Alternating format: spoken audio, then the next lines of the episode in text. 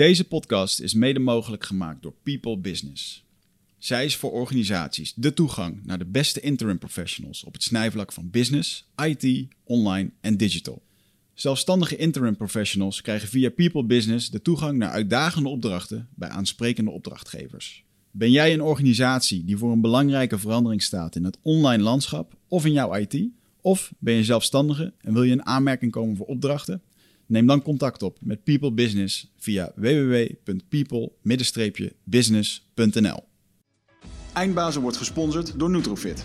De webshop voor natuurlijke voedingssupplementen en trainingsmaterialen die je helpen bij het verkrijgen van Total Human Optimization. Nutrofit is hofleverancier van merken zoals Onnit, Natural Stacks en Bulletproof Coffee. Probeer onze producten zonder risico door onze money back guarantee. Bezoek ons op www.nutrofit.nl. Bestel je voor 9 uur 's avonds, dan zorgen wij dat jouw bestelling de volgende dag geleverd wordt. Meerdere mijlpalen, laten we daar eens mee beginnen. En wie moet ook luisteren, naar jou of van jou? Nou, we, we, we praten alle twee. Sorry, soms is het Oh een ja. beetje een driewisseling gesprek. Ehm, maar ja, Michel had het net over meerdere mijlpalen. Eh, we hebben sowieso, denk ik, vandaag de, de oudste gast in de studio. Zeker. Ooit, toch? Ja. ja. Oké, Dat is een record. Gevestigd bij deze. U heeft eh, Jan Terlouw van de plek verstoten, denk ik. Hè? Ja, Jan. Jan. Vos had ook nog wel, eh, stond Ja. ook hoog in de ranking. 70 plus volgens mij. Vandaag in de studio hebben we Paul de Blot. En ehm, ik vroeg net aan u eh, wat u allemaal doet. En ik kwam niet alleen weg met hoogleraar op Nijenrode. U bent ook nog Mantelzorger, mantelzorger, pastor pastoor. van de Indonesische bewoners van Amsterdam en omgeving. Wauw. En, wat nog meer? Nog meer? Wordt niet genoeg? Zorg, Ik zorg voor, dus, Ah, voor zieken en ontheemden en vluchtelingen. ja. Dus alles wat in nood zit, kan bij mij terecht. Wauw. Wat in sociale nood zit, niet medische nood. Ik ben geen medicus. Nee. Het, Maar ik ben wel psycholoog. Het eerste wat bij mij eh, opkomt daarin is dat u les geeft op een business universiteit, Ja. Nijrode, Ja. eh, wat een, eh, een wereldwijd gewaardeerde universiteit is. Ehm, maar u geeft nog steeds les. Ik geef op Nederland les. Ik geef ook colleges op Erasmus. Wauw. Op 95-jarige leeftijd, mensen. Dus ik leef. En, en ik geef heel veel lezingen voor congressen. Gisteren heb ik een lezing moeten houden voor een congres voor middelbare scholen. Waar praat u dan over? Wat zij willen weten. Ja. Ik vraag, wat willen jullie weten? En dan geef ik antwoord. Ik praat nooit, maar ik geef antwoord op hun vragen. Ja, ja, ja. Ah, nou, dat gaan we dan vandaag eens toepassen hier. Wat wil jij graag weten? Nou, ik heb een. ehm, het, het gaat natuurlijk over business spiritualiteit. Maar ik merk dat ik ehm, in alle gesprekken die we hier hebben gehad. het heel moeilijk vind om te bepalen wat spiritualiteit nou precies is. Wat is spiritualiteit? Eh, eenvoudig gezegd is spiritualiteit menselijkheid. De bezieling door menselijkheid. Hmm. Dus dat je zaken doet niet bezield door het geld, maar bezield door het menselijke. Dat is eigenlijk de kern. Hmm. Maar omdat het menselijke karakteristiek is of wordt door zijn spirit, spirit noemen we het spiritualiteit. Of gewoon het woord spiritualiteit niet zo lekker zit. Ja. Ik noem het ook nu plezier. Gewoon plezier. Plezier hebben in het zaken doen. Ah, er moet ook een lol-component Dus in het- zitten. moet, je, moet je leeft als mens om gelukkig te zijn. Mhm. En om plezier te hebben. Dus het zaken doen moet ook geen last zijn, maar moet een plezierig vak worden. En dat is eigenlijk de spiritualiteit. Business spiritualiteit is een abstractie van eigenlijk plezier hebben om zaken te doen als mens, voor de mensen. Ja. Wat maakt zaken doen eh, nu soms minder plezierig dan? Hoe kunnen mensen meer plezier halen uit het zaken doen? Want ze doen nu bijvoorbeeld sommige dingen wel Ja. of, of sommige dingen niet. Nou, in het zaken doen heb je bittere en zoete momenten. En wij zijn geneigd om de bittere momenten te herkauwen. Waardoor we steeds bitterder gaan leven. En ik zeg, maak een dagboek. Schrijf alleen op de leuke momenten. Wat gebeurt er als je de leuke momenten blijft herinneren? Want je herinneringsvermogen is klein. Herinnering. Herinnering betekent innerlijk verwerken. De innerlijke verwerking van gebeurtenissen is gering. En als je dus elke avond gaat herinneren wat leuk ging, dan herinner je steeds de leuke dingen. En de rotzooi gaat in je geheugen zitten. Geheugen is in je verstand. Dat voel je niet, dat weet je. Maar herinnering is in je hart. Dus wat je herinnert, dat geniet je. Herinneren. Het woord herinneren zegt het al. Maar wat je in je hoofd hebt, zo neutraal is de pest. Je moet je voorstellen dat je leven een ijsberg is. De top van 10% is je verstand. 30% is daartussen. Wat half en half zichtbaar is. En dat is het gebied van de psycholoog.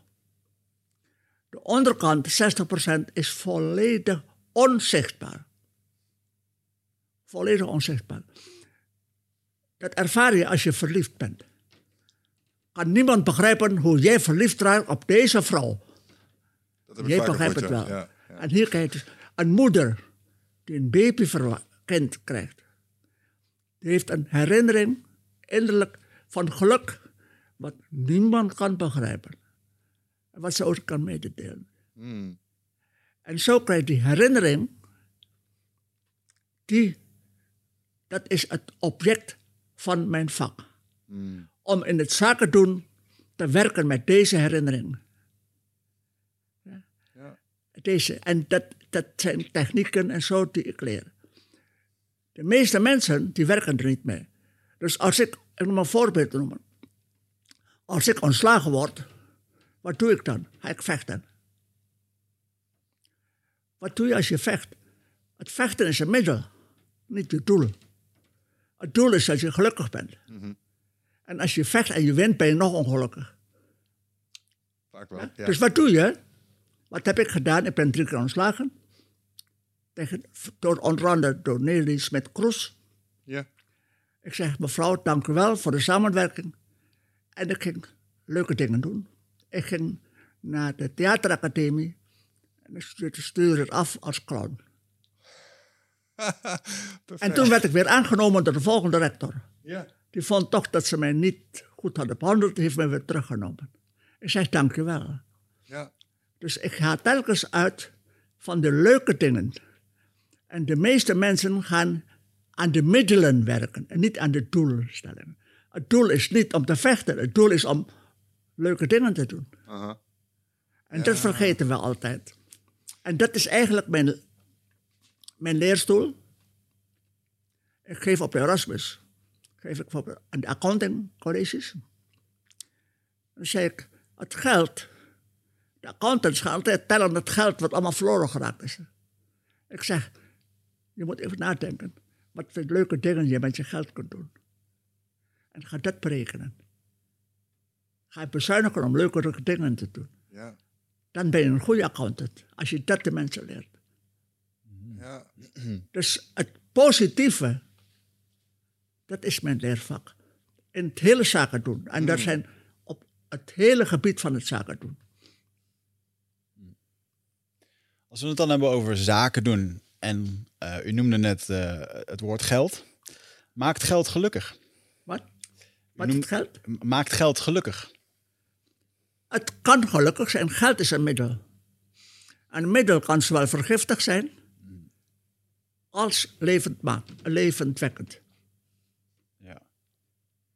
Alles is dubbelzinnig. Middelen zijn altijd dubbelzinnig.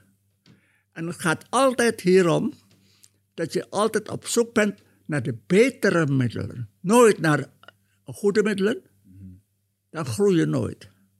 Nooit naar de beste middelen, dat bereik je nooit. Maar elke dag zoeken, wat is morgen beter? Dan blijf je gelukkig. Ja. ja. heb ik heel mijn leven gedaan. Ik ben vijf jaar concentratiekamp heb ik meegemaakt. Ja, was een hel. dat snap ik. Ik ben drie keer heb ik een doodservaring meegemaakt. Wauw. Dat was heel mooi. Kunt u die In, in, beschrijven? het- in het kamp, Ja, u? heel mooi. Professor Lommel is op mij gaan praten en zo om te vertellen. Zei, nou, dat zijn drie doodservaringen, zei hij. Goed. Ik heb dus vijf jaar concentratiekamp meegemaakt. Ik heb drie oorlogen meegemaakt. De Wereldoorlog tegen de Japan. En toen dus was ik bij de geallieerden, bij de commando's. Een hele zware periode was dat. Daarna kwam ik in de politieke actie van Nederland tegen Indonesië, even wreed met 1 miljoen doden. Daarna kwam ik terecht bij de revolutie van Suharto, ook 1 miljoen doden. 15 jaar moeten werken voor de slachtoffers. Toen ben ik in Berlijn terechtgekomen bij de muur, waar ook 3000 mensen vluchten en gedood werden. Dus ik heb alleen maar de ellende van de wereld leren kennen in mijn vak als jezuïet. Ik ben jezuïet namelijk, ik ben kloosterling. En ik heb leren kennen de ellende van de wereld. Maar in die ellende van de wereld heb ik ook menselijkheid geleerd. Hmm. Er zijn twee dingen die ik geleerd heb. Een concentratiekamp in de oorlog. Punt 1. Zonder vrienden overleef je nooit je leven. Punt 1. Punt 2. Je ontmoet altijd de onbekende God. Ik was niet gelovig, maar zodra de kogels fluiten, God, God, help me. En naast mij schiet er een kogel door zijn kop. En ik ben beveiligd. Spontaan. Dank u. Dus deze onbekende God. Zodra die bekend wordt en godsdienst wordt, gaan ze vechten. Maar die onbekende God is een houvast die je niet kunt missen in noodsituaties. En die onbekende God is iets waarvan je weet dat het, da- daar moet je in kunnen geloven dat het je rug heeft. Dat het Die gaat- ontdek je. Die ontdek je. Die is Ontdek er gewoon. je.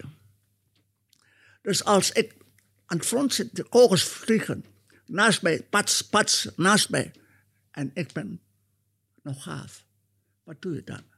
Ja, op je knieën. Dankbaar. Wat doe Ja. je dan? ja, heel dankbaar zijn. Dan val je op je knieën, dank u. En ehm,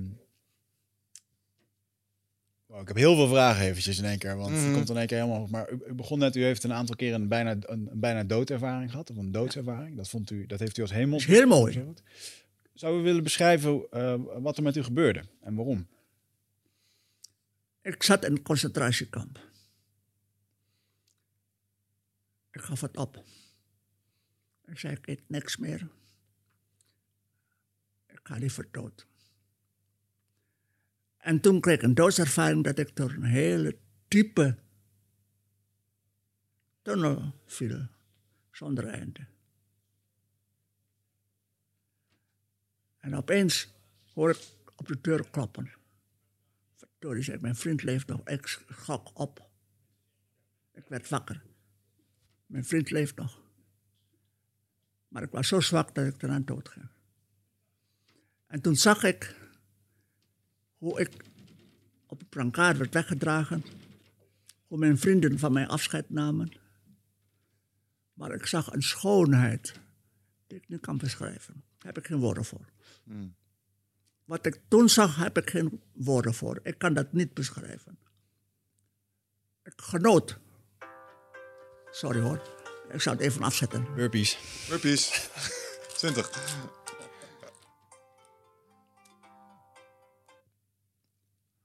Ik zou het even afzetten. Anders Op, uh, normaal gesproken moet moet, je hem opnemen. Ja, dat komt goed. Nee hoor, maakt niet uit. We waren gebleven ik bij ongekende is- schoonheid. Ja. En de volgende dag moest ik terug. Ik was om zeven uur zou ik begraven worden. En ik was gewikkeld in een doek op de pingpongtafel. En toen rolde ik van de pingpongtafel af. Pingpongtafel. Ja, dat, Een de tafeltennistafel. gevangenis. Oh, dus wauw. dat, de, de lijken werden op een pingpongtafel gelegd. Je moet rekenen, het is, een, het is, geen, het is geen hotel. Nee, nee, nee. Duidelijk. Het is een concentratiekamp. Mijn eh, oma heeft ook in de Indonesische Ja. kampen gezeten. Gewoon op, dus toen ben ik eraf gerold. En iedereen een rotje. En toen werd ik levend. Wauw. Maar u heeft het drie keer gehad. Ja? U heeft het nog twee keer gehad daarna. Nog een keer, eh, de- daarvoor had ik er al één gehad. En als kind heb ik het ook gehad, als tweejarig kind. Wij woonden vlak bij de Indische Oceaan. Mijn vader was planter. Ik speelde altijd aan zee. En op een dag werd ik door een grote golf meegesleurd. En ik bleef liggen.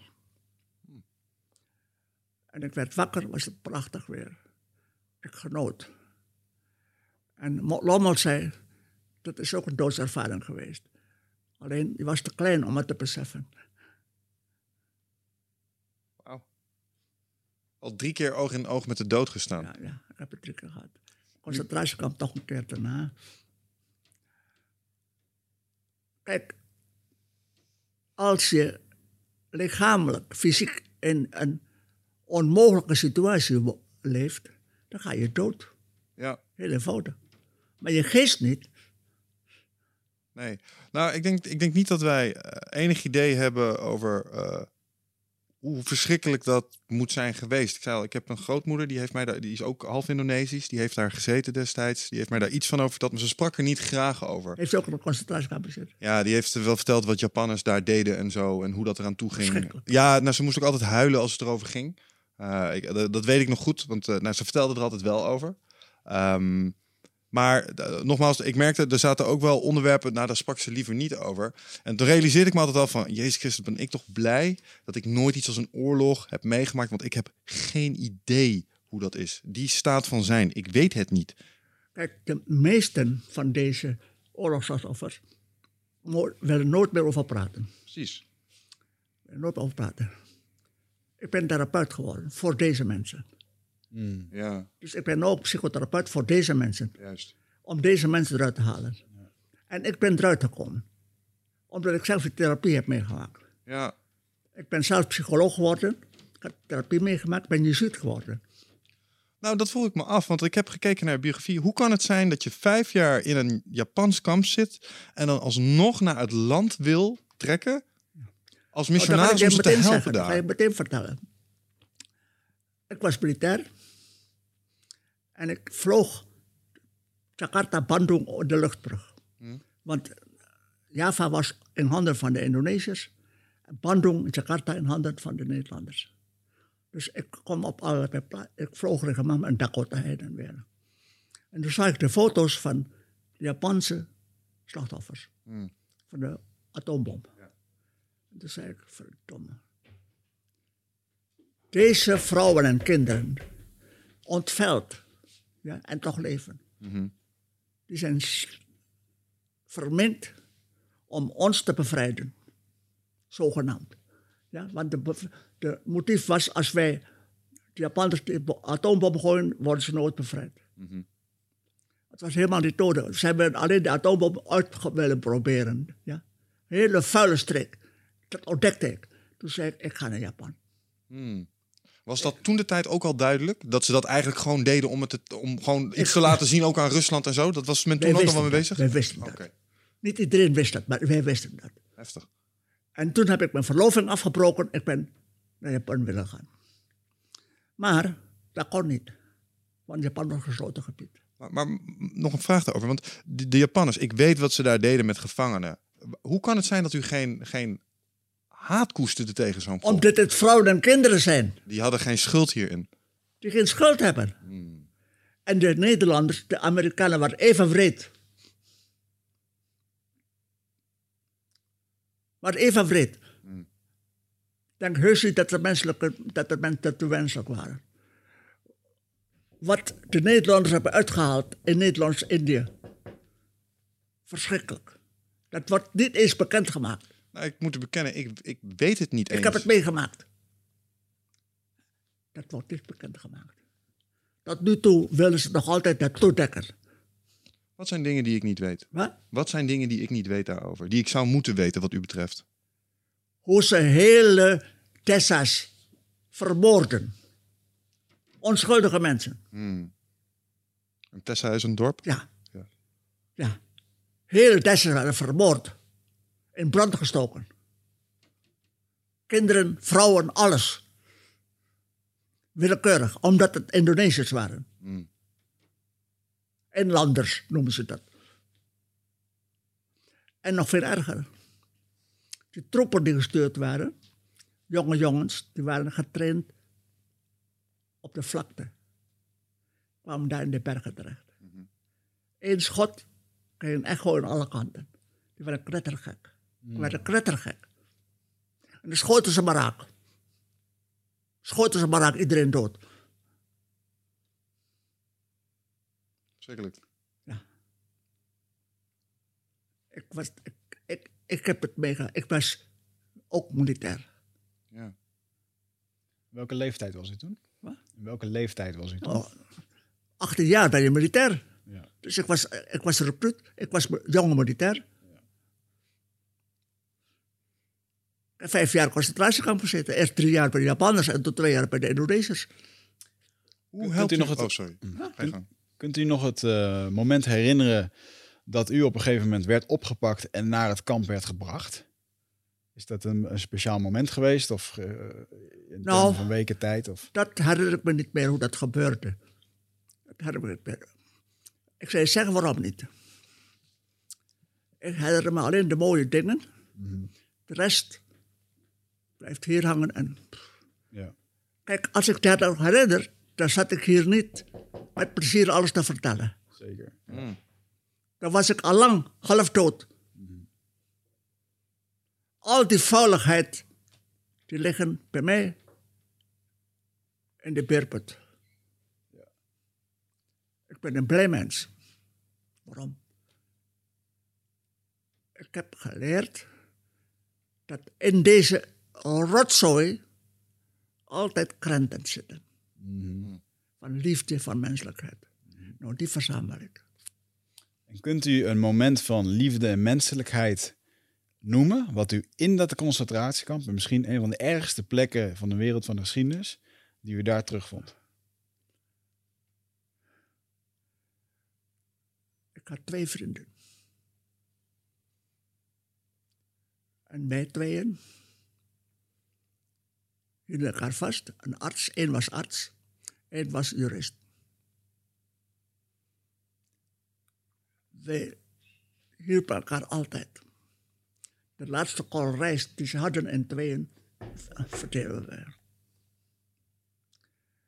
We zijn alle drie bevrijd maar op verschillende momenten. Want we zijn niet tegelijk bevrijd. We zijn telkens bij plukjes zijn we bevrijd. Ik heb ze nooit meer teruggezien. Maar hier leven ze. Als een herinnering om nooit te vergeten. En dat is mijn kracht. Ja. De herinnering aan vrienden. Je weet het half hoe belangrijk dat is.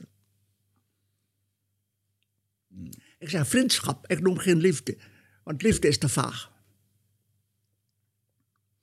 Het kamp leren vrienden kennen. Victor Frankl, de, de grote psychiater, die zegt: zonder vrienden heb ik nooit het kamp overleefd. Punt 1. Punt 2. Mijn sterkste houvast was mijn onbekende God.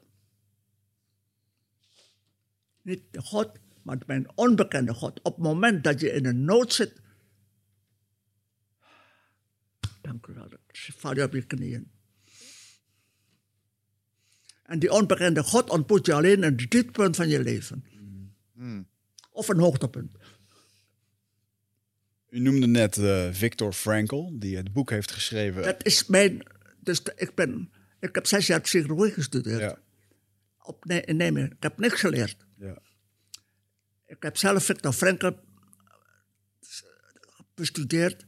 Ik heb twee psycho... Van, ik heb Victor Frankl heb ik vooral als houvast genomen. En de transactionalisme. Het kindsysteem. Kindsysteem. Ja. Oh. Hij heeft een mooi boek geschreven, A Man, A- A Man Searching for Meaning. Omdat hij ook in een Nou, dat, dat zijn de, mijn twee psychologen die ik hanteer in mijn psycholo- psychologiepraktijk. Ja. ja. Ehm, hij heeft ook in een concentratiekamp gezeten. Ja. En heeft, Victor Franke, ja, die heeft zes kampen overleefd. ja.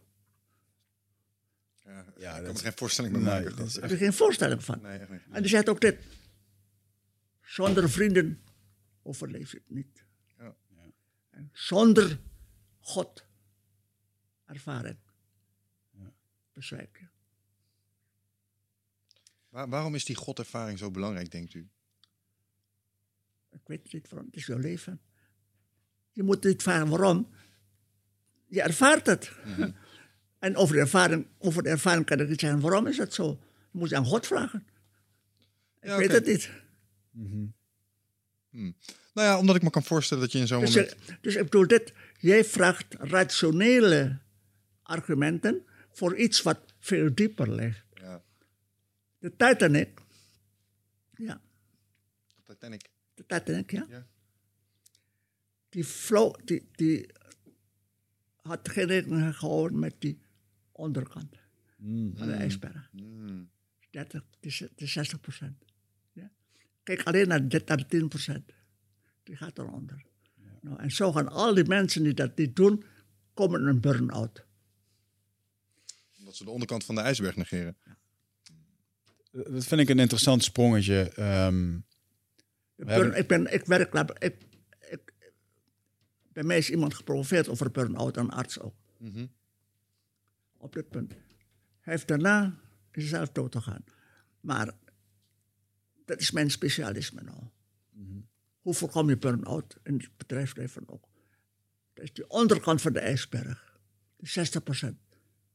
Dat noem ik het zijnservaring. Het? De zijnservaring. Zijnservaring. De, Ja. de doe-ervaring, wat je moet doen, ja? denken, doen. En onder is de zijnservaring. Dat je geniet van het leven. Dat je in stilte kunt zien, genieten van de zee, de ondergaande zon, hoe vogels fluiten, die onderkant. Als je pas, ik weet niet of je kinderen hebt, of je getrouwd bent, maar als je verliefd raakt, dan heb je hetzelfde. Hoe kan je nou op die vrouw verliefd raken? Ja, goed, dat weet ik ook niet, maar ik, ben, ik hou van haar, klaar. het gebeurt. Je kan het niet uitleggen. Ja, toch? Ja, dat klopt. Dat klopt. En wat u eigenlijk zegt is, ehm, het, het geheim tegen die burn-outs is dat met dat herinneren, zeg maar, dat wat je in dat onderbewuste stopt, dat Ja. moet eigenlijk zo positief, dat moet dat zoete zijn en niet Daar het wordt bittere. weinig gebruik van gemaakt. Er wordt weinig. weinig gebruik van gemaakt. En daar heb, dat is mijn kracht op Nijrode. Dat ik daar al 40 jaar zit. Op 95 jaar. En hoogleraar ben voor het leven. Mhm. Als enige. Zit dat een beetje in het menselijk ras dat wij eh, blijven kijken naar gevaar of wat is gebeurd? Niet het menselijk ras. Cultuur. De, de, het westerse cultuur. Ja. De Eskimo's doen dat niet. Ik eh, ben er bekend mee, ja. ja. De Eskimo's, zodra iemand oud wordt, dan gaat, wordt hij een ijs en een ding gegooid, het ijs gegooid, is meteen dood. Want anders weten ze geen raad met iemand die oud wordt, ziek wordt. Ja, Oh, Hij wordt het ijs in naar zijn voorvader. Dat is een, dat wist ik niet. Oh, Voordat iemand sterft, wordt hij onder het ijs. en, Nee, als ze en te oud de dood in veel gebieden, zoals op Java bijvoorbeeld, is de dood helemaal geen vijand. Hmm. Voor ons is het een vijand. Voor mij niet. Nee. Sluit dat aan bij eh, wat ik over Er zijn heel veel culturen.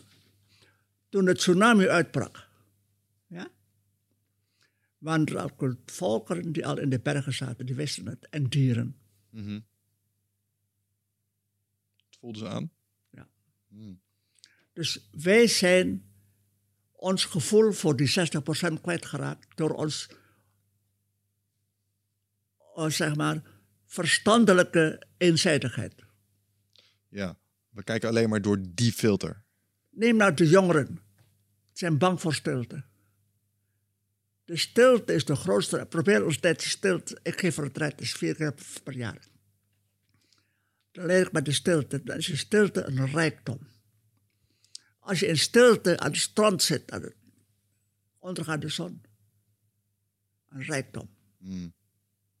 Als je in stilte naar vogels luistert, een rijkdom.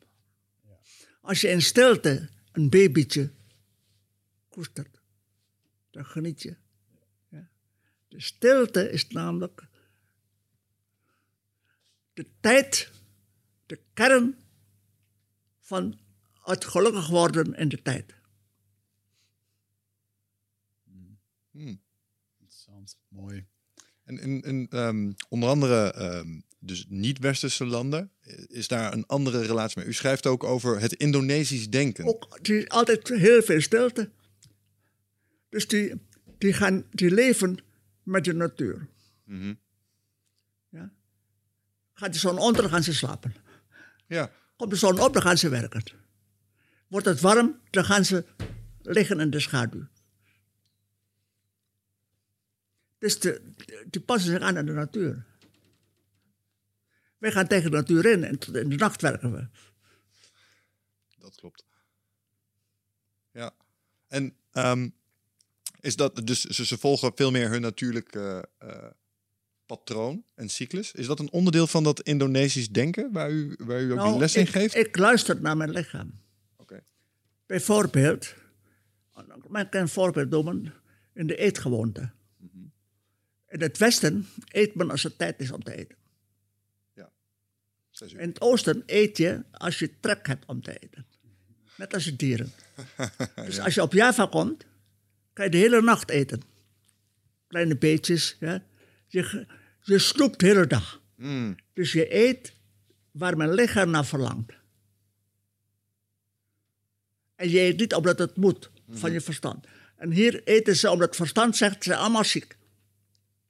Weet jij dat ik een halve zak suiker per week eet? Dat is heel veel. Zou- zouden ze officieel En- gezien zeggen. En ik ben nog steeds goed opgeruimd. Voor mijn rijbewijs. Voor Ja. vijf jaar. Gefeliciteerd. Ik neem geen enkele medicijn nog in. En u bent nu Ik neem 95, geen enkele medicijn nog in.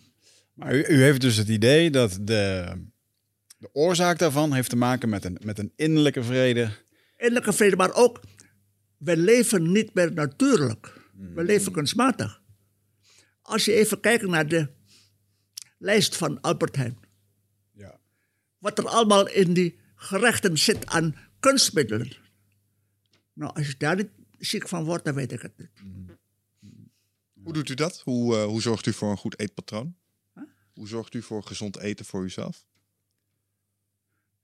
Ik kies, ik eet waar mijn lichaam naar verlangt. Waar je zin in hebt. En wat het lichaam ligt. Waar ik me lekker van voel. Als ik me brood voel, weg. Dan zit er vuiligheid in. En suiker is het belangrijkste middel. Daar gaat u goed op. Omdat suiker zuiver is. Ah, dat zou een boel voedingsdeskundigen ook niet meteen Maar dat mag eh, niet in. Nederland. Want dan krijg je suikerziekte. Ja. We zijn verleerd.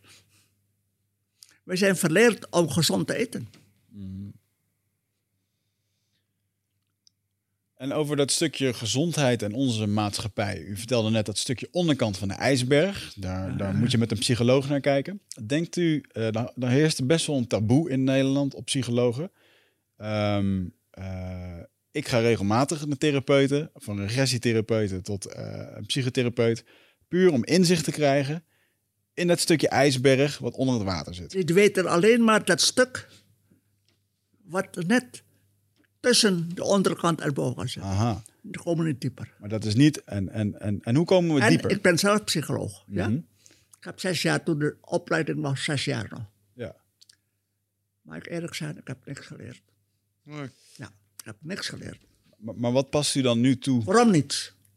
Omdat het allemaal kunstmatig Freudiaans was. En de spiritualiteit kwam er niet in, in dat uitdrukking. De onderkant. En die onderkant, hoe vaak? dat is die onderkant van 60% van de ijsberg. Snap ik. Dat, dat geef ik op Nijrode. Weet je wat het gevolg is? Dat ik nog steeds hoger ben. Want men herkent dat. Ja, Men waardeert dat. ja. Hoe heeft dat, die onderste 60% te maken met iets waarvan u zei, u volgt twee psychologische stromingen. De eerste hebben we het net over gehad en de tweede was het kindsysteem. Heeft dat te Zo. maken met die onderste 60%? Het kindsysteem is dit. Eh, kan je het eens lezen? Beetje, maar misschien kunt u het voor de luisteraar Nou, vertellen. beetje, die gaat eigenlijk om drie systemen. Het oudersysteem, volwassen systeem en het kindsysteem. En het gaat om de relaties. Dat noemen ze strook, de aandacht voor elkaar.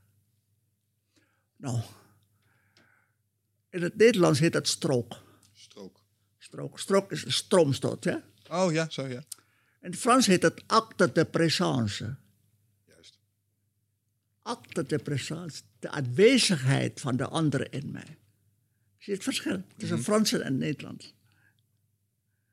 Dus vertalen het als een stroomstoot ja, van contact.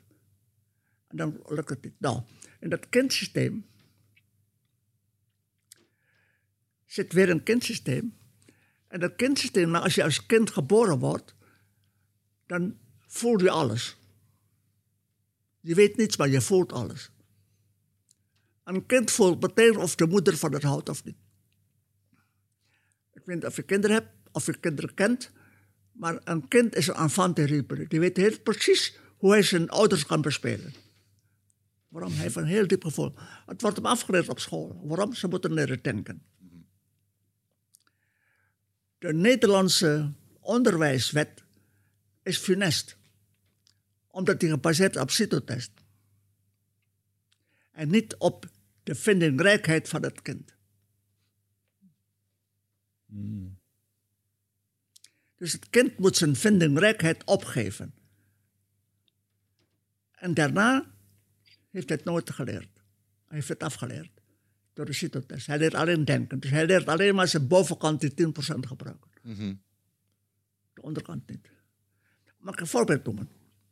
Als je op Java een dubbeltje verliest, in het gras, Javaan zegt, daar is hij. Een Nederlander zoekt zich rotje, die vindt dat dubbeltje niet terug. Een bijvoorbeeld. Maar Heeft leren afgeleerd om te kijken. Ga niet zoeken, is volgens mij de conclusie. Daar ligt hij, het zal wel. Een kind vindt dat meteen. Zie maar hoe een kind listig is, als je kind is. Als ze op school zitten, moeten ze allemaal de stiltest leren. Wat zou een manier zijn om dat beter te doen? Huh? Om, hoe, hoe zouden we kinderen hun vindingrijkheid kunnen laten behouden? Mag ik even een voorbeeld geven hoe ik geleerd heb? Mijn lagere school op Java. Ja? Zeven klassen met een meester en een juffrouw. De twee hoogste klassen bij de meester. De vijf laagste klassen bij de juffrouw. Ze gaan voor een sommetje. Wie heeft het antwoord? Ik, juffrouw, hoeveel is het zoveel? Goed, volgende som. Vijf klassen tegelijk. Zo leren ze door elkaar. Naar de HBS.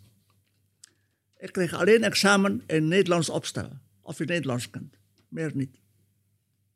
ja. Wat je nu allemaal voor examens doet. En het onderwijssysteem wisselt zich telkens weer. En dat blijft kunnen doen.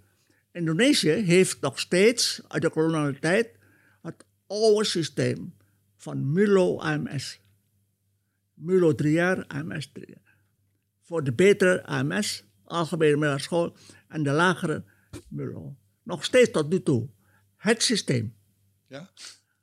Nederland is al wel, wel tien keer veranderd van systeem en het mislukt steeds. Omdat men eigenlijk gaat denken over het systeem. En men gaat niet uit van het kind. Wat moeten we doen in Nederland om dat te veranderen? Huh? Wat moeten we doen in Nederland om dat te veranderen? Moet je mij niet vragen. Kijk, we krijgen altijd als minister een amateur in zijn vak. Een nieuweling. Nee, omdat hij politicus is. En oké. geen vakman. Ah, op die manier. Ja. Ja, ja, ja. ja. Neem nou eventjes het onderwijs. Ik weet niet of je het gelezen hebt, en- of de radio. Of de, de televisie heb ik zeggen. Een jongen van 23 heeft 130 adviseurs gehad in zijn opvoeding. 130 adviseurs. Speel. En hij is nog niet opgevoed. Een ander punt is dit. Een kind wordt tot zijn achttiende jaar volgestopt met adviezen. Daarna is hij volledig een vacuüm. Niemand, als een jongen van 18 jaar in nood zit, heeft hij geen enkel bureau wat op hem is gericht. Ja. Ja toch? Ja, ik- Terwijl ze dan juist in de nood zitten. Ja. Ik heb gewerkt in Zweden vijf jaar lang. Voor adoptiekinderen. Een gezin neemt een adoptiekind aan. Dan blijf ik drie dagen om de drie maanden, drie dagen daar logeren om te observeren. Advies te geven. Als enige adviseur. Drie dagen om de drie maanden. is niet veel. is genoeg. Ja, precies. genoeg om te kijken hoe de kind zich ontwikkelt.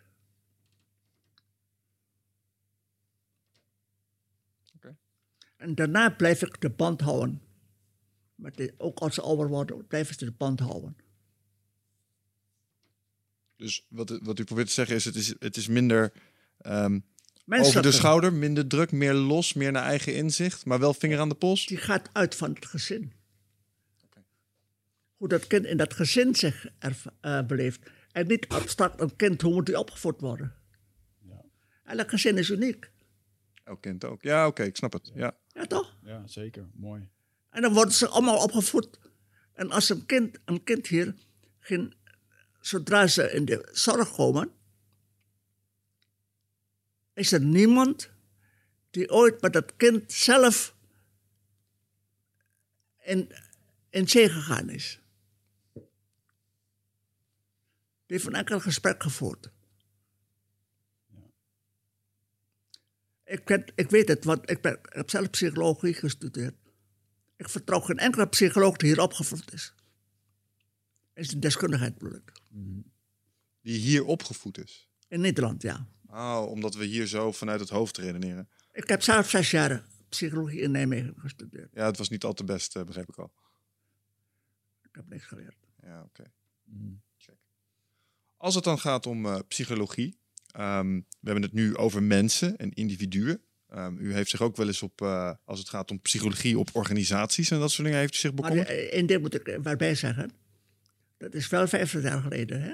Of 40 jaar geleden. Dat u bezig was met psychologie. Ja, ja. Ja. Dus Maar- ik weet het hoe het nou is. Dus ik, dat, je moet dat niet, niet trekken aan de te- tegenwoordige tijd. Dat wil ik toch uitdrukkelijk zeggen. Het zou verbeterd kunnen Dat zijn. was 40 jaar geleden. Ja, oké, check. S- Spreekt u nu wel eens therapeuten, sorry dat ik jou onderbreek. Nee, hiervan. niet. Spreekt u nu wel eens therapeuten eh, waarvan u denkt van ja, deze heeft het wel begrepen. Nou, ik spreek veel met therapeuten. Maar de therapeuten hebben een beperkt veld. Dat is dat tussengebied. Ja. Je moet niet buiten dat tussengebied, buiten gebied werken. Je moet nooit buiten je veld werken. Mhm, mhm, ja. Dus ik, ik, ik zeg niet dat ze fout zijn. Maar ze blijven op hun eigen veld. Ze komen niet op het dieptepunt, op dat type spirituele veld. En daar hebben we te weinig mensen voor. En wie zijn er volgens u geschikt voor dat diepere veld? Dat zijn speciale mensen vroeger. Dat zijn de, de, de, de, de, de, de spiritualiteit gespecialiseerd. Dat, dat, dat is een aparte opleiding. Ja. Maar doelt, die- u, doelt u dan die- in de Daar zijn vroegerheid... tegenwoordig te weinig mensen voor. Ja. Doelt u dan in de, in de vroegerheid eh, de medicijnmannen, shamanen? eh, Nou, die heb je. De medici zijn heel vaak. Goede medicus die zit ook op dat vak. mhm. Een goede medicus. Het hoort eigenlijk onder de medicijnen, vind, Ja. volgens mij. Dat onderbewustzijn, dat valt onder medicatie. Ja, dat valt eigenlijk onder de medicijnen. Maar het ongeluk is dat ook de medicijnen vaak te eenzijdig op het fysieke niveau worden opgeleid. Ja. Dus ze hebben nog geen tijd meer. Nee. En tegenwoordig wordt bijna alles door instrumenten bepaald. In de, in de medische wereld. Dus ik mag een voorbeeld noemen. In de medische wereld nu hebben de artsen veel minder tijd voor de patiënt. Dat alles wordt door machines gedaan, door, door röntgenapparaten en zo. En dan kan je een lijst om in te vullen. Dus het gesprek met een arts wordt steeds kleiner. Dus de artsen hebben steeds minder tijd voor de patiënten. De patiënten groeien. Een ander probleem is dat er steeds meer oude mensen komen die meer geneeskundigen nodig hebben. En minder geneeskundigen, omdat er veel minder jonge mensen zijn.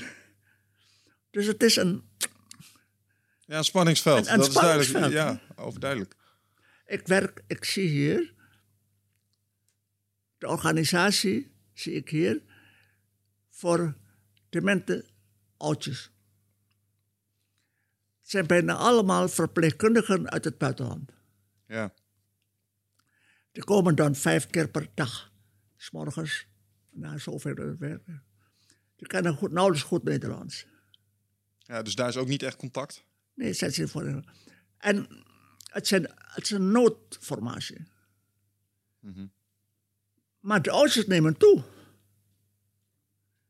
De dementen nemen toe. Ja. Nou, wat doe je dan? Ja, wat we nu Als je doen, geen mensen hebt. imperfecte oplossingen toepassen. En we, we gooien de kinderen eruit. Die hier die, hier, die, die strijd over de kinderen. Die moeten allemaal eruit. Ik zou zeggen, hou ze vast, want die hebben ze nodig. Ja. Ja. Maar wat ik, wat ik me afvraag, hè, u bent, u, u bent Ja, ook pastor. maar een hele vreemd beleid is dat, hè? Ja, nou, ik, ik, ehm, eh, ik ga zelf af en toe naar Indianenstammen in de Amazone. Wat? Ik ga zelf af en toe naar Indianenstammen in de Amazone. Ja? eh, Waar, waar niks is, maar wel één ding en dat is familie. En daar zorgen je gewoon voor elkaar. Ja. De laatste kaarten zijn beschikbaar voor het Ride of Passage Retreat op 24, 25 en 26 mei. Ben jij erbij? Het is een volgende stap in je persoonlijke groei. Eh, een weekend waarbij de belofte is dat het een tikkeltje oncomfortabel gaat worden. Maar daar ligt natuurlijk wel gewoon de groei om meer helderheid te krijgen in je leven. Om uit je hoofd te komen in het lichaam. ehm, achter te laten wat je niet meer dient. En om echt de volgende stap te maken door de oude patronen te doorbreken, te doorzien, te doorvoelen en, en te helen. En daarvoor wil ik je heel graag uitnodigen. Eh, en ik hoop dat jij een van die laatste bent die nog aansluit bij het Ride of Passage Retreat. Ga naar wichertmeerman.nl, klik op Retreat en ik zie je daar. Ja. En, eh, Hier is, de, hier, dit is een mop. Het probleem hier is dit. Bij Chinezen zie je altijd dat ze hun moeder altijd in huis nemen. Ja. Ja? Boeren hebben dat ook. Ja. Ja, ik zie bij boeren dat ze een klein paviljoentje voor hun moeder daar. Maar er worden alleen kleine huisjes gebouwd. Dus er is geen plaats meer voor de moeder. ja, tiny houses. Dus de hele architectuur, woningbouw, is gebouwd voor kleine ja. gezinnen. Hm. Er is geen plaats meer voor de moeder. Ik zeg de moeder, omdat de moeders vaak langer leven als de vaders. Vrouwen worden gemiddeld ouder, ja. Bent u zelf omringd met, eh, met deze rijkdom? Van, eh, bent u zelf omringd met deze rijkdom die u zojuist beschrijft? Ik ben geen Nederlander. En mijn ouders, hier heb je een ander voorbeeld. Mijn ouders waren Nederlander. Hebben in Maastricht gewoond. Ik werkte in Indonesië. Ik ben nog steeds Indonesische staatsburger. Maar ik ben hier gebleven vanwege Nijrode. Maar ik ben er op en neer naar heel de wereld. In Zweden, India heb ik gewerkt, Duitsland, overal heb ik, Filipijnen, overal. Maar, wat, dus ik hoor hier niet thuis, laat ik maar zo zeggen. Maar ik herken wel het grote verschil in de zorg voor de ouderen. Ja. Maar het heeft hier geen aandacht voor de ouderen. Dat hebben we hier niet. Ze zijn meer last dan een, een steun. ik zag nou voor, voor iemand die heeft kinderen, maar de kinderen hebben veel te druk met hun om hun inkomen bin- binnen te krijgen. Als je geld hebt, heb je geen zorgen. Waarom dat geld krijg je vanzelf inkomen. Maar als je geen kapitaal hebt, kan je een rotje betalen voor belasting, voor alles wordt duurder enzovoort. Dus die hebben geen leven om nog verder voor hun moeder te zorgen. Het lukt niet meer. Mhm. Dus het beleid hier is een, als ik mag zeggen, een materieel beleid, maar geen menselijk beleid. Ja, herkenbaar. Het is toevallig iets wat ik zelf ook eh, eh, twee jaar geleden bij mezelf constateerde. Ik zag mijn vader veel te weinig. Ja. Veel te weinig, omdat ik veel te druk was met eh, ondernemen en zo. En eh, daar heb ik mezelf echt in eh, moeten bijsturen, omdat ik dacht, nou, je weet niet hoe lang je vader... Ik hoop dat hij zo oud wordt als u, dan heb ik hem nog bijna 30 jaar bij me. Ik hoop het van harte, Ja. maar je weet het niet.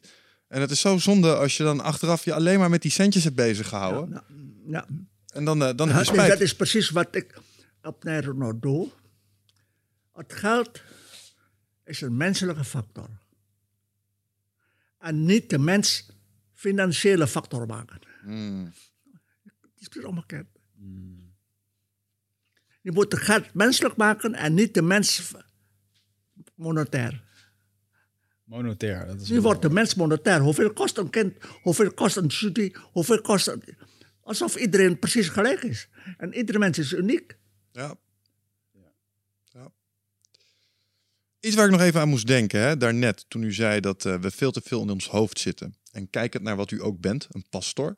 Ehm, Ik ben ook pastoor. ja, en als ik kijk naar de beschikbaarheid ervan. Ik ben in een klein dorpje opgevoerd, eh, ge- eh, opgevoed, heel klein. Ik kon rechtstreeks naar mijn pastoor lopen. Ik wist wie de pastoor was in het dorp. Ja. Maar de gemiddelde Nederlander heeft niemand meer in zijn leven waarmee die over die onderste 80% de spirituele zaken kan spreken. We gaan allemaal altijd naar het hoofd, zijn therapeuten, docenten, maar niemand meer die over die innerlijke belevingswereld eh, spreekt. Is dat iets waar, waar misschien mogelijk ehm, die transitie van hoofd naar onderbuik weer gevonden kan worden? Door gewoon mensen beschikbaar te stellen, zoals pastoren, maar misschien in een andere vorm, waar je het over dit soort dingen kunt hebben. Want je kunt er ook nergens mee terecht. Kijk, de pastores zijn in de ziekenhuizen ontslagen omdat ze geen geld voor hebben. Het heeft geen meerwaarde in de geneeskunde. Hmm. Ik weet niet of ik dat geloof. Zo wordt het gezien. Ja. Ik zeg, zo wordt het gezien. Ten tweede, er zijn weinig pastores meer. Het is niet een heel sexy Niemand beroep. wil nee. een pastoor worden. Ja? Nee. Het is eigenlijk, men geen, geeft geen behoefte meer. En ik zeg, zeg waarom? Ze hebben een enorme behoefte aan spiritualiteit. Maar niet aan godsdienst. Ah, ja, ja, dat is, goed. Ja, ze hebben een behoefte aan spirituele kracht. Ik ben priester. Ik ben jezuïet. Dat weet iedereen op Nijrode. Maar ik heb mijn krachtenveld ontwikkeld als menselijk begeleider. En niet als priester. Even gewoon voor het idee, waar geloof je eigenlijk in als je een, als je een Jezuïet bent? Wat, wat is dan eigenlijk je basisgeloof? Ge- Jezus Christus eh, gelooft u dan in? Ja, oké. Jezuïet betekent socius Jesu. De socius, de metgezel van Jezus. Oké, ja. Dat is SJ. Societas Jesu. Dus ik schrijf mijn naam Paul de Blot, SJ altijd. Oké. Ja? Societas Jesu. Dat betekent, je bent metgezel van Jezus. Dat is de kern. Dat betekent dat. Dat je metgezel bent van de mensen. Daarom dat Jesuiten nu overal zitten wat onmenselijk is. Hmm. Deze nieuwe paus is Jesuit. Ja, Officieel mogen ze, mag Jesuit nooit paus worden. oké. Het is voor ons verboden om bischop te worden of paus. Maar omdat het een noodsituatie is in de kerk, is hij paus geworden. Je ziet wat hij allemaal gekke dingen doet. Hij bezoekt al die landen die vijandig waren aan het christendom. Hij sluit een verbond met de islam. Ja. Hij, gaat naar Griekenland en neemt vlucht- vluchtelingen mee, vluchtelingen, stopt hij in zijn paleis. Het paleis is nog voor- voor vluchtelingen. Ja, En hij woont in het gastenkwartier. Ja? Dus die doet alles anders. Ja. Zijn postmobiel verkocht. Hij heeft ja, een Fiatje, soms een Citroën, hangt af van van hoe ze hem geven. De auto is kapot, dan gaat hij lopen. Dat vind ik mooi, dat soort dingen. Daar hou ik van. Ja. Dat is een jesuit. Een jesuit heeft maar twee dingen. Wat is het doel van je leven? En wat is het middel? Verwar die nooit gooi deze twee nooit door elkaar. Hmm. Wat is je mooi. doel en wat is je middel van je leven? En deze, dit is de kern van ons werk. Als je ontslagen wordt, als je gaat vechten voor je, voor je werk, is het een middel, nooit een doel. Nee. Het doel is altijd plezier hebben in je leven. En dat heb je alleen als je met plezier vrienden hebt. Nee, oh, Zonder vrienden heb je nooit plezier in je leven. Heb je geen houvast in je leven. Ja, dan mis je het delen. Dat is gewoon zo. En eventjes een, eh, een kleine eh, zijsprong hiervan. We hebben het zo straks gehad. U heeft in hele benarde eh, en vreselijke situaties gezeten. Wie? U. Ja. U heeft in, de, in, de, in de concentratiekampen. Vervolgens bent u met uzelf aan de slag gegaan. eh, psychologisch en die laag daaronder. En dan komen we toch een beetje op een stuk wat ook in het geloof heel erg een rol speelt. En dat is vergeving. Heeft u de mensen kunnen vergeven die in die concentratiekampen eh, die slechte dingen deden? Ja. Anders was ik nooit, nooit besloten om naar Japan te gaan. mhm. Er waren beulen. Waarom heeft u ze vergeven? Huh? Waarom vergeeft u ze? Omdat ik heb daar geen argument voor. Maar mijn hart valt weg als ik de nood zie van die vrouwen en kinderen. Dus het is niet een kwestie van vergeven, maar je hebt beperkte energie. Ja. Ja, je energie is beperkt, hè? Je aandacht is beperkt. Als die aandacht concentreert op de mooie dingen, dan verliest de rest zijn kracht. Ja. ja. Wat anders krijgt groeit. Je kunt dit aan alles blijven denken. ja. Dus als jij alleen aan de leuke dingen denkt, of alleen aan deze belangrijke dingen denkt, Zijn er... dan verlies je alles. Ik bedoel, ik zeg niet dat dat niet bestaat, maar je hebt er geen ruimte meer voor in je, in je, in je, in je geheugen. Heeft u, heeft u nog meer trucjes om dat beter te doen? U zei aan het begin al, maak eens een lijst met leuke dingen. Kijk daarna aan het eind Ja, van je dag. nee, dat is een hele goede lijst- manier. Moet dit doen. Wat vind jij leuk? Denk daaraan en geniet ervan. Mhm. Wie ben je dankbaar daarvoor? Schrijf dat op. Schrijf een brief, ik dank je ervoor. Ja. Ik werd gisteren, moest ik college geven in Brabant. Voor een scholengemeenschap. Ik kreeg een taxi. Ik ging... Met opzet zit ik altijd naast de chauffeur. Dan vraag ik zo, heb je kinderen? Hoe lang rij je al? Enzovoort. En daarna zei ik, hartelijk dank, hè, je hebt goed gereden. Hij glansde. Ja. Ja, bijvoorbeeld. Hij glansde.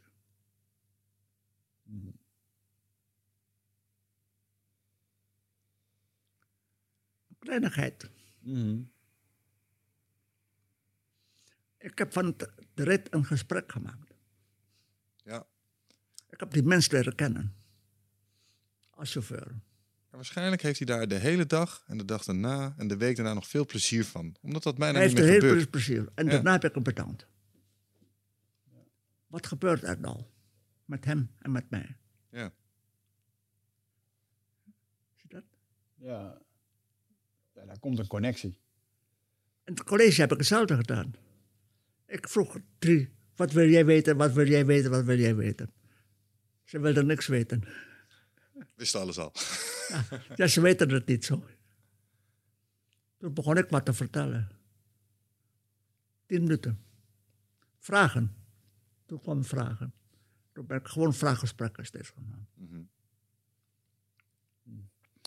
Wie is, ehm, wie is bij u een heel erg belangrijk persoon geweest? Wat? Wie is bij u een heel erg belangrijk persoon in uw leven geweest? Waar u ontzettend moeder. veel van heeft geleerd?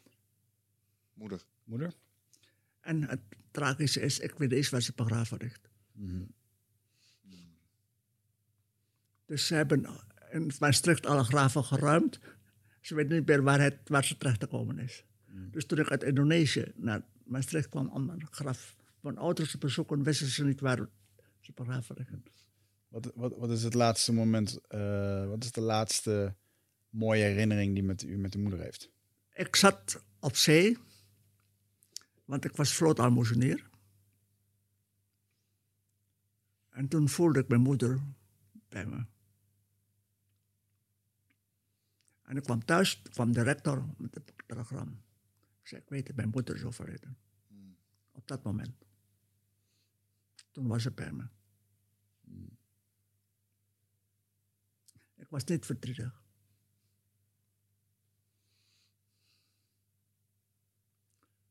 Toen ging ik met haar praten.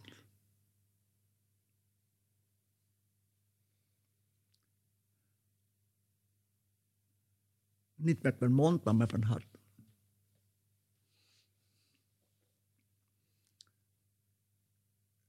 Ik heb het toen niet, nooit gemist, maar toen ik, toen ik dus naar Nederland kwam, zocht ik naar het graf. Ze wisten niet meer waarheen. Alles was geruimd in Maastricht. En Maastrichtenaars zijn niet direct heel erg nauwkeurig, al die dingen. dus ze wisten het gewoon niet. Heeft u nog steeds het idee dat u nu in uw hart contact kan zoeken met uw moeder of met vrienden die u gelooft? Moeder blijft bij mij. En, en heeft u daar ook nog wel eens gesprekken mee op die manier? Niet gesprek. Ze is bij me, klaar, punt uit. En dat weet ik, dat weet ik. Zo begeleid ik mensen die ook, als iemand overlijdt. Eén jaar, zei ik, blijft die stoel leeg. Je moeder of van je vader. Of van je kind. Eén jaar. Over, over een jaar wil ik je graag spreken. Dan zit het kind hier.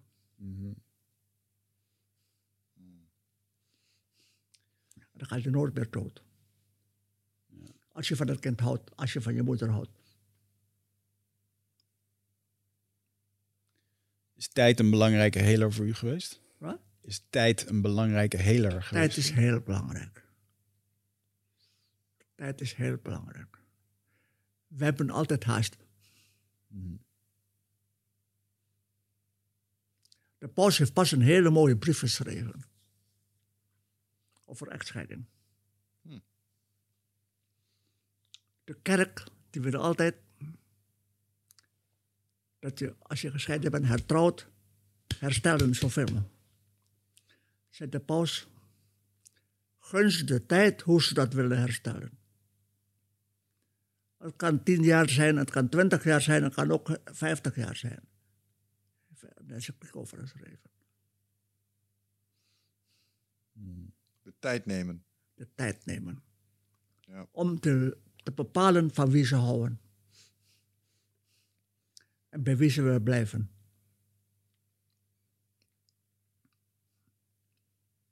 Ja. En luister, de kerk moet luisteren naar hun hart. En niet hun hart naar de kerk. Heeft deze paus gezegd. Hij is heel modern voor zijn, eh, voor zijn eh, zeg maar, de tent waar hij uitkomt. Ja. Dat is mooi. Is de, de kerk zoals we hem eh, vroeger kenden, Dus hij, hij spreekt. Hij gaat ook nooit beslissingen nemen. Hè? dat laat hij doen of door het volk? Dus hij neemt nooit beslissingen. Bijvoorbeeld, er was een vraag. Als je gescheiden getrouwd bent. Eén is katholiek, de ander niet.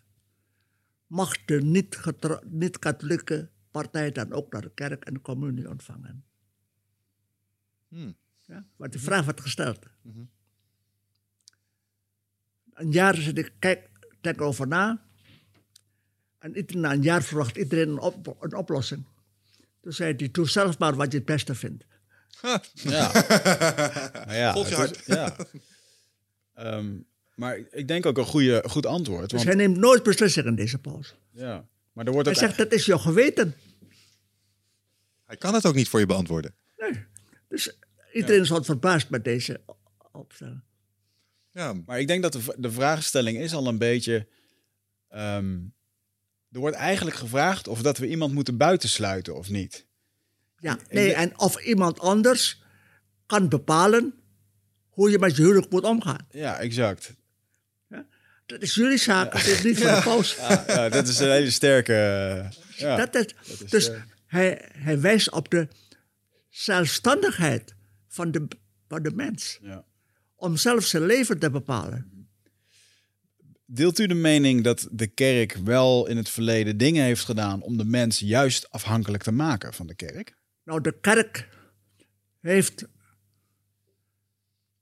ontzettend veel fouten gemaakt.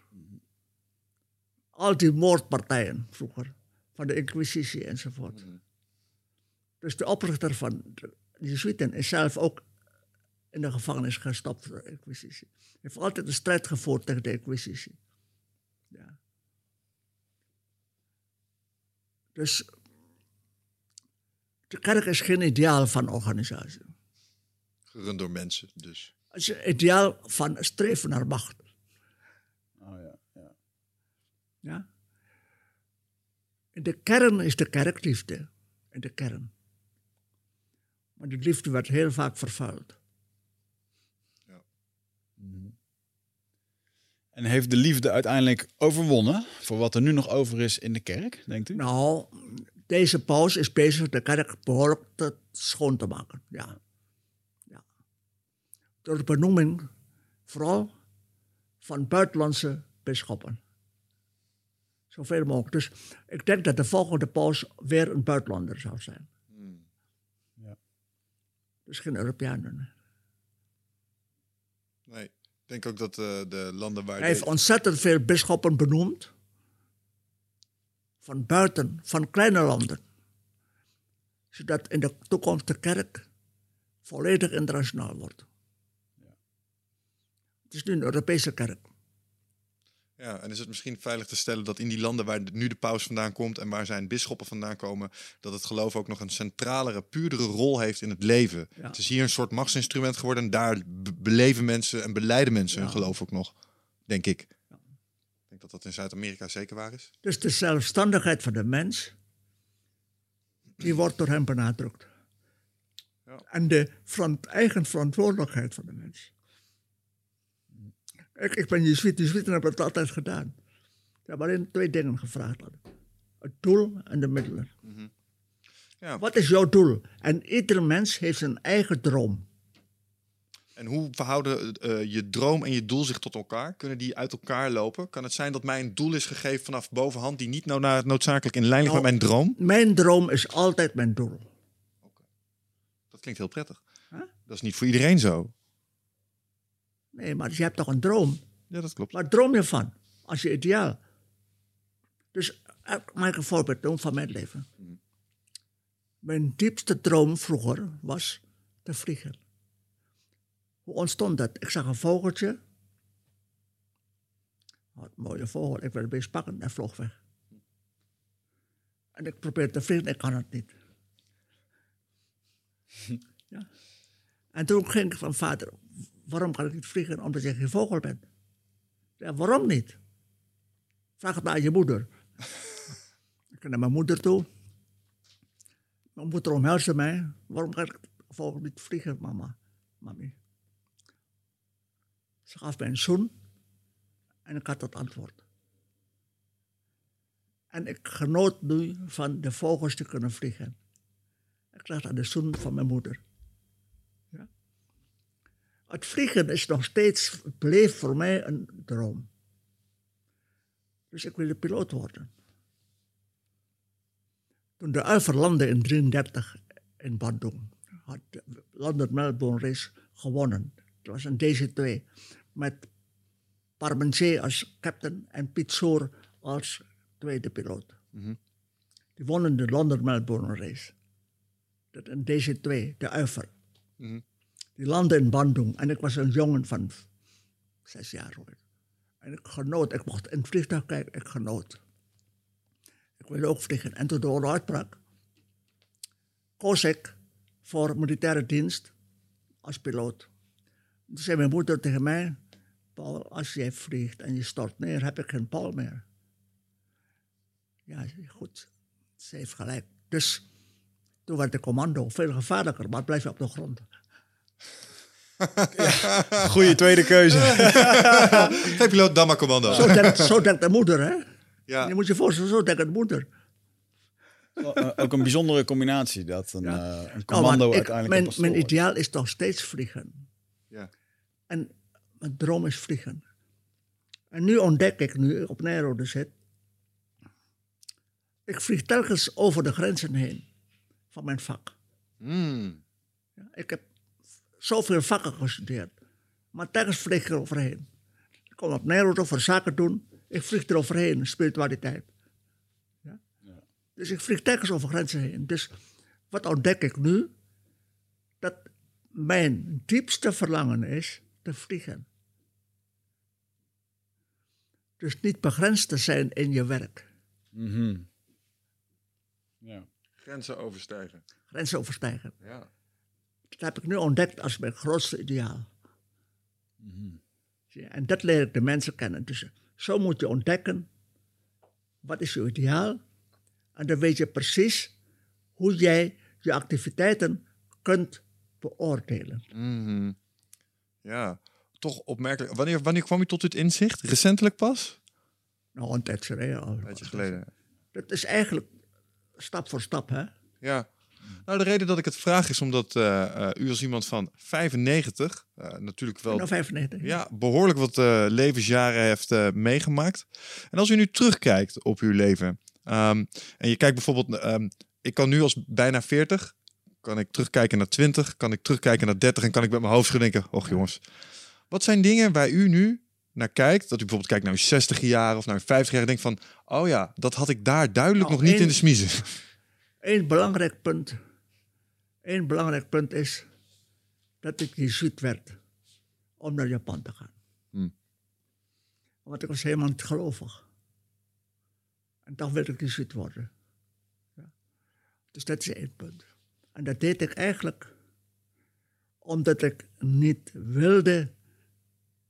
Nee, ik was verontwaardigd dat vrouwen en kinderen werden opgeofferd om mij in leven te houden. Dat is één punt, dat is het eerste punt. Het tweede punt is, dus, dus toen werd ik ook daarna jezuïet. Het tweede punt is dat ik eh, voor de slachtoffers van de oorlog ging werken. Die hadden helemaal geen alvast en zo, dus ik, ik zei, ik ga voor die mensen werken die eigenlijk helemaal geen aandacht krijgen. Dus ik werd steeds aangetrokken door de, zeg maar, hulpbehoevenden. Ik zag hoe de islamieten, kinderen van communisten, kinderen van communisten, in een school samen doen en een school in brand steken. Levend. Je kunt niet protesteren, want kan jij meteen een steek in je, in je hart. Kan je gevoel als een, een hele klas met kinderen in brand gestoken.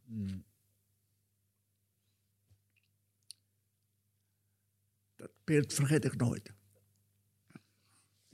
Ga voor de kinderen zorgen. Kunt u, eh, als En ik... toen daarna, daarna weer, toen kwam ik, ik zag dus, daarna zag ik hoe de oorlogsslachtoffers, dat we zeggen de mensen die de oorlog meegemaakt, die waren knettergek. Die waren knettergek, die spra- spraken niet meer, waren, voor hun gezin waren ze een ramp. Ja. Hun gezinnen gingen allemaal kapot, Posttraumatisch stress. het. Ja. Toen ben ik voor hun gaan, vecht, gaan werken. Ik ben psycholoog geworden voor hen te werken. Ja. Als ideaal. Toen kwam ik toevallig in contact met de rector van Nijrode. Dus ik was aan studie bezig voor een psyche, als psycholoog. Ik kwam in contact op Nijrode. Die zei me, hier heb je 200 jongens. Die moeten straks Nederland opbouwen helemaal geruineerd. Toen dacht ik, verdorie. Ik werk aan mensen die doodgaan. Jonge mensen die nodig zijn om op te bouwen. En daar is geen aandacht voor. Ja. Toen ben ik omgekapt. Hmm. Zei, kan ik ook hier komen? Ja, is goed. Dat was een gesprek in december. In januari werd ik aangesteld. Hm. Op Nijrode, 40 jaar geleden. Dus dat is opeens patst de jeugd. Tot nu toe is dat gebleven. Ja. Van het verleden opruimen naar de toekomst opbouwen. Dus er zijn momenten in je leven, komen op, die je raken. Er zijn eigenlijk drie momenten geweest. Punt 1, mensen die onrechtvaardig worden behandeld. Kan ik niet hebben. Mhm. Mensen die in doodsnood zitten en geen hulp hebben, zoals die oorlogsslachtoffers. De derde, de jeugd die geen leiding heeft.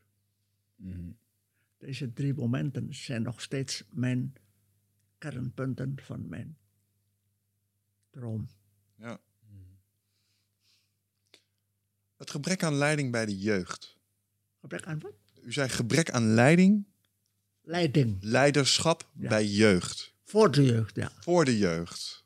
Wat ontbreekt daar momenteel het meest? Wat leren wij onze volgende generatie niet? Wij leren hun denken In plaats van voelen. en niet leven als mens. Wij leren geen menselijkheid. Citotest. Over gehad, ja. Als je ziet hoe kinderen hun gezin, dus citotest. De ouders hebben geen kans meer om kinderen op te, op te voeden vanwege de grote druk van de onmacht om in leven te blijven. Gevolg. Begeleiding door de staat op grond van het verstand, niet op grond van het hart. Met als gevolg dat eigenlijk de jeugd geen begeleiding krijgt. De jeugd in Nederland zit in nood in mijn ogen. Ja. Daarom dat ik op Nijrode blijf. Voorlopig nog eventjes. Ik probeer van daaruit iets, iets, iets, iets, iets steun te geven. Door mijn invloed. Wat is ehm, de sleutel voor goed leiderschap?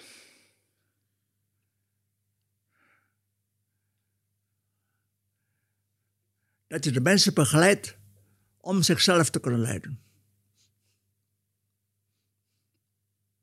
Zelfredzaamheid. Zelfredzaamheid. Autonomie. Want nu wachten mensen te veel tot iemand anders ze komt vertellen wat ze moeten doen. Wij willen altijd op mijn manier jouw leiding geven. Ja. En niet op niet luisteren naar wat jij van je leven wilt maken.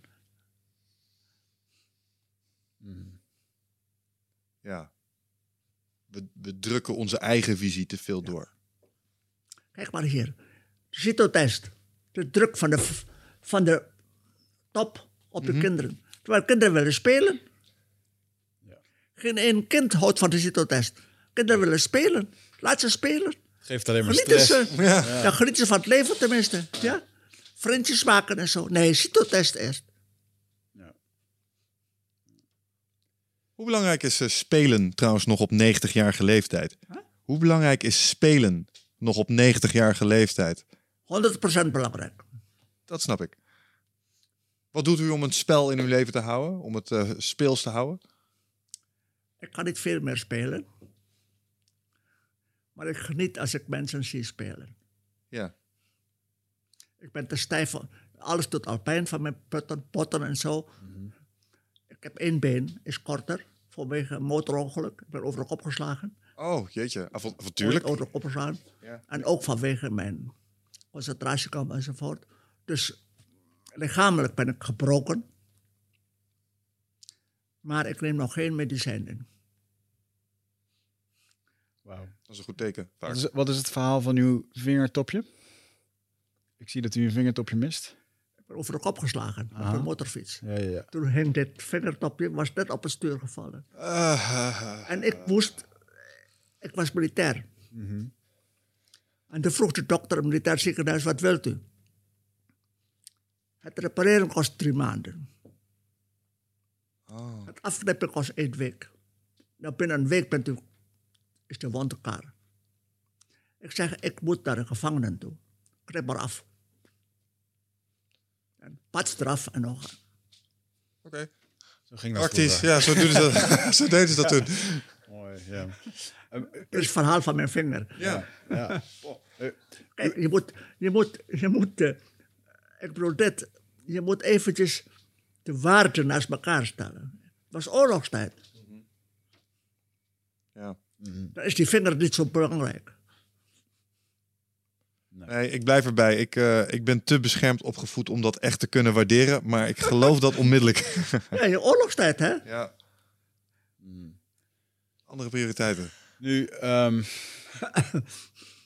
nu- nu, wordt u, u qua, qua leeftijd, u wordt ouder en u zegt al, nou, hè, qua energie en eh, uw lichaam, het wordt niet beter. Ehm, denkt u veel na over de dood? De dood. Ik ben nog bezig om alles klaar te maken voor mijn dood. Dus ik ben nog bezig mijn kamer in Nijmegen. Opruimen, alles. Alle boeken weg die ik niet direct nodig heb. Zo leeg mogelijk. Op Nengrote ook zoveel mogelijk opruimen. Zodat als ik doodga, de mensen niet te veel problemen hebben om op te ruimen. Dus ik ruim alles op, zodat als ik doodga, hebben ze weinig werk om het op te ruimen. Daar ben ik nog mee bezig. En dan heb ik een vraag voor u. Huh? Waar gaat u naartoe op het moment als u doodgaat? Ik, heb een, ik, ik woon in Nijmegen. Dat snap ik, maar ik bedoel meer eventjes in het hiernamaals. Wat gebeurt op het moment als we doodgaan? Heeft u daar Interesseert me niet, ik word nog gelukkig. Ja. Hoe- Ik heb het ervaren wat het is, dus ik ben niet zo bang. Dat is een fijn idee op zich. ja. Dus ik ben niet bang om dood te gaan. Dus ik, ik ben nu aan het voorbereiden op mijn dood, ja. Ik geef ook nou... Ik, neem geen, ik heb nog twee promoties, maar ik neem geen enkele promotie meer aan. Nog twee, deze twee nog even afmaken, Omdat dat ik wel. misschien dood ga. Ja, oké. Ja. Ja. Er zijn twee promoties die blijven hangen omdat ze maar niet vooruitkomen. Het had al lang klaar moeten zijn, maar ja, soms gaat het moeilijker. Dat vind ik een, eh, misschien een interessante vraag hierop voor mensen die ervaren in hun leven dat het leven af en toe stroperig kan voelen. Dat het ontzettend stroperig gaat worden. stroperig gaat voelen, dat, dat dingen niet lukken, dat, ze eraan, dat er trekkende energie is. Wat adviseert u? Doorlopend krijg ik met deze mensen te maken. Ja, ja, dat, eh, da- ja zeker. Kijk, als ze niet stroperig zijn, komen ze niet bij mij. Nee, maar ik denk Als ook... het goed gaat, komen ze niet bij mij. Ja, exact. Ja. Wat is het En dan advies? zei ik gewoon... Wat is het doel van jouw leven? Welke momenten maken jou gelukkig? Schrijf er elke dag op. Elke dag schrijf je op, wat heeft mij vandaag blij gemaakt? Alleen dat. En herlees dat regelmatig. En kom over een maand weer terug bij mij. Dan wil ik lezen wat je geschreven hebt. Kan soms echt heel simpel zijn. En ik denk echt dat dit werkt. Ik denk echt dat dit iets doet. Ik geef geen advies.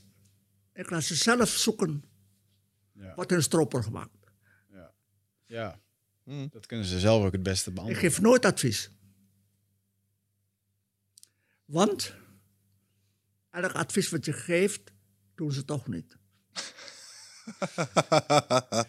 Die herken ik wel. Ja, daar kan ik me helemaal in vinden. Zij een, ho- zij een hoogleraar in de 90 jaar. Ze doen het toch niet? Ja, toch, dat is toch zo? Ja, ik denk dat je gelijk hebt. Ja. Je moet leren van je eigen leven. Ja. Dus je bent zelf de beste leermeester. Je eigen leven. Even. Ik zal je laten zien. Hoe mijn boeken eruit zien, misschien mag dat. Ja, zeker. Tuurlijk.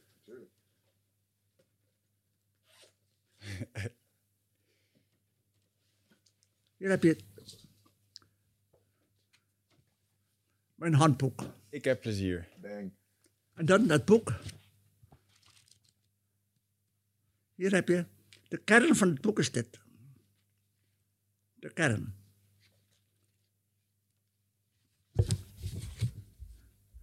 Het kind geniet. Ja? Ja.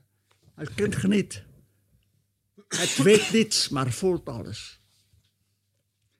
Haal dit uit. Haal die bescherming eruit. Hetzelfde kind. Ik ben zo bang. Zodra de liefde wegvakt, zodra de bescherming wegzakt, wordt dat kind bang. Nou, dit maken wij voor onze kinderen. Hier weer voorbeelden.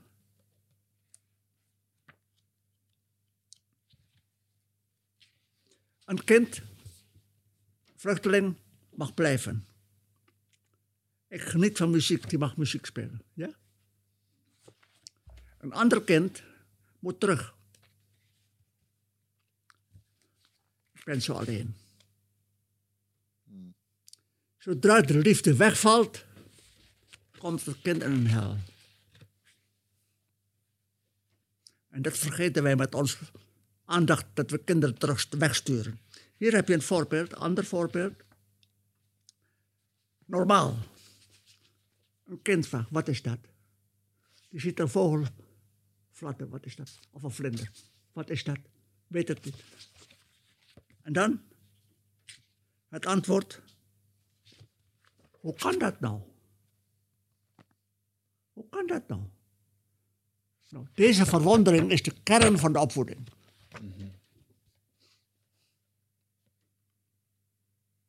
En dan krijg je dus dit, helemaal, ik ga helemaal door.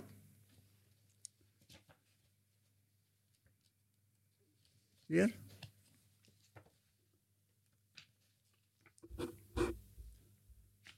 Ik kan niet geloven dat hij dood is.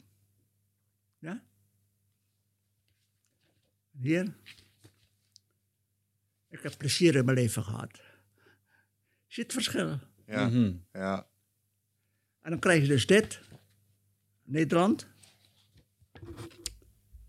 Ik moet goed nadenken. zie je het precies? Zie je, het, zie je meteen de houding van... Ah, ja, ja. Zie je dat? Ja. In foto's, hè? Ja, ja. Herkenbaar. En dan krijg je dit, dit. Samen zijn van elkaar houden, dat is wat wij willen. Ja. Dit wil de jeugd.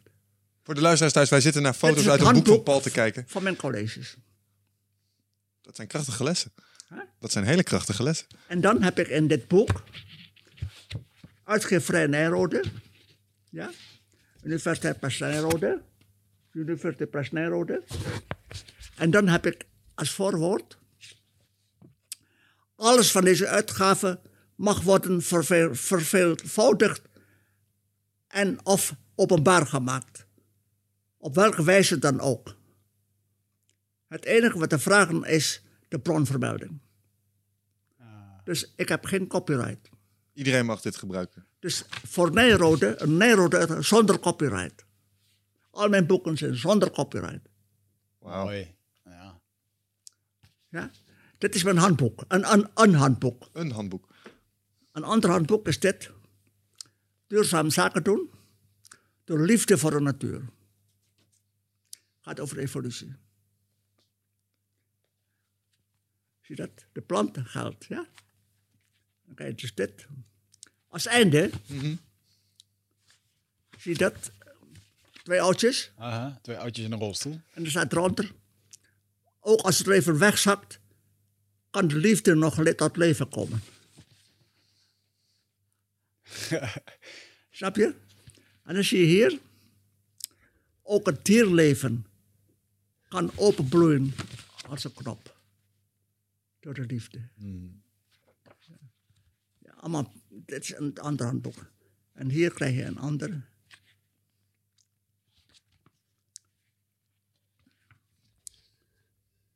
Voor het kind is de liefde, liefdevolle moeder van vitaal belang. Ja? En allemaal, dit is een handboek over evolutie. En dit is de, het interne geluk van een kind.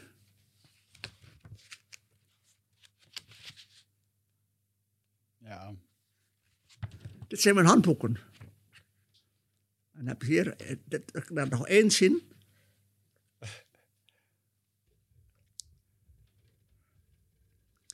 Liefdevol plezier in de natuur. Nou kijk, zulke boeken maak ik. Dit zijn zo mijn boeken. Dit is een andere. Dit zijn twee, twee drukken. Hetzelfde boek, ja. Ja, Zie je dat? Dit is meer voor serieuze mensen, dit is meer voor leuke mensen. ik ben voor de leuke mensen. Mooi. Ehm, dit, zijn, dit zijn nou mijn handboeken. Leuk. Ik kan me voorstellen dat het heel goed voelt om zoiets eh, na te kunnen laten ook. Ik neem aan dat dit Jawel, mensen die hier het- komen Ze lezen het ook met, met genoegen. Ja, daarom. Ja. En het gekke is dit. Ik geef het aan een docent. Die heeft geen tijd. Maar zijn vrouw gaat het lezen. ja. En zegt, man, lees dit, is, is erg leuk. En dan gaat via de vrouw gaat de man pas lezen. is bij, is bij ons thuis nog nooit gebeurd. Dat, eh, dat ik boeken kreeg die eerst werden gelezen door mevrouw Vos en dan vervolgens mij toch werden aanbevolen. Ja. Zie dat, zo, zo geef ik les. Impactvol. Op de Business Universiteit. Ja, waar het niet helemaal een onderwerp is wat je daar zou verwachten misschien. Dus ik vind het heel mooi dat dit daar ook gedoseerd wordt.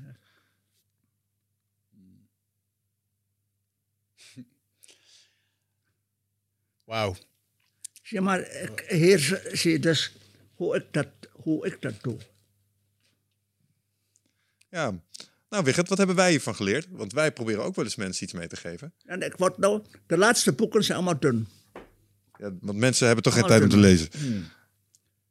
Het gaat over de natuur, hè, de evolutie. Nee, Zie maar je dat hier? Geld en een plantje. Die plant moet hier groeien op dat geld. Maar Ja, wat, heb jij, wat je- heb jij eruit uit gehaald? Oké, Als ik, al- ja, inderdaad. Wel, eh, eh, ik denk het. Wat zei Ik je? denk de grootste les die ik vandaag in dit gesprek, want we moeten een beetje gaan afronden. We zitten bijna op het einde van de tijd. Wat is dat, de gosseles? Ik denk dat de grootste les die ik vandaag van u heb mogen leren, ehm, om te blijven kijken buiten de kaderen. en dat heeft u misschien niet zo eh, benoemd, Ik heb maar geen kaders. inderdaad. En, ehm, maar het- in bepaalde fasen van ons leven, u beschrijft wel dat u in bepaalde fase zat u toch in een kader, een kader en, en iedere keer daarover uitstijgen en Je moet je leven kijken. overstijgen. Ja. Ja. Je moet, nee, je moet je zintuigelijkheid overstijgen. Je zintuigelijkheid overstijgen. Je zintuigelijkheid overstijgen. Wauw. Ja. En je krijgt steeds meer interne zekerheid. Ja, ik denk dat dat hem voor mij was wel. Dat, dat innerlijke stuk, zeg maar. Dat wat je in dat, in dat zijnsbestaan Dat, drukt. dat, dat, dat is de kracht. Ja. Daar moet je selectief in zijn. Dus dat, daar, en daar heb je een En controle dat op. is oefening. Kan je niet leren van een ander. Dat is oefening. Kan je alleen zelf leren. Grappig genoeg begint dat dan aan de bovenkant. Huh? Dat begint aan de bovenkant. Ja. Als je het jezelf moet leren. Dus het begint in het hoofd om naar het... Het begint met het rationele uitschakelen. Eigenlijk wel. Ik noem het voorbeeld altijd van de Titanic. Ja, verwaande mensen. Ja. Ja. Die hielden geen rekening met de ijsberg. Dat, dat, dat 60% onzichtbaar is. Ja. Ja. Daar hield hij geen rekening mee. Ondanks al hun wijsheid, hun kennis, die kapitein die al zo oud was, die genoot van de vlakke water. Ja. Ze hadden eens kijkers, ze hadden geen verrekijkers. Dat is niet nodig. Ze hadden te weinig sloepen, niet nodig. Mhm. ja. Ja, dat is wel ignorant. Hier heb je dat, dit, dit beeld van de Titanic, is het beeld van onze maatschappij. Heeft u nog een eh, laatste boodschap voor onze luisteraars? Geniet van je leven. Dat gaat wel lukken.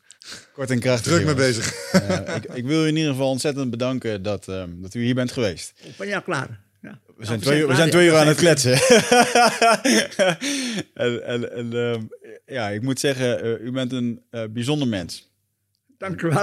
En, eh, in, Iedereen is bijzonder, hè? Iedereen is bijzonder. ik. Dat, dat, dat, dat ben ik met u eens. Maar wij spreken heel veel bijzondere mensen hier. Ehm, eh, en er zijn er een aantal waarbij je, waarbij je toch anders voelt. En dat, dat heeft misschien met persoonlijke voorkeur te maken. Maar Eh, ik ben in ieder geval ontzettend dankbaar dat u hier bent geweest. En eh, ik heb ontzettend veel van u mogen leren.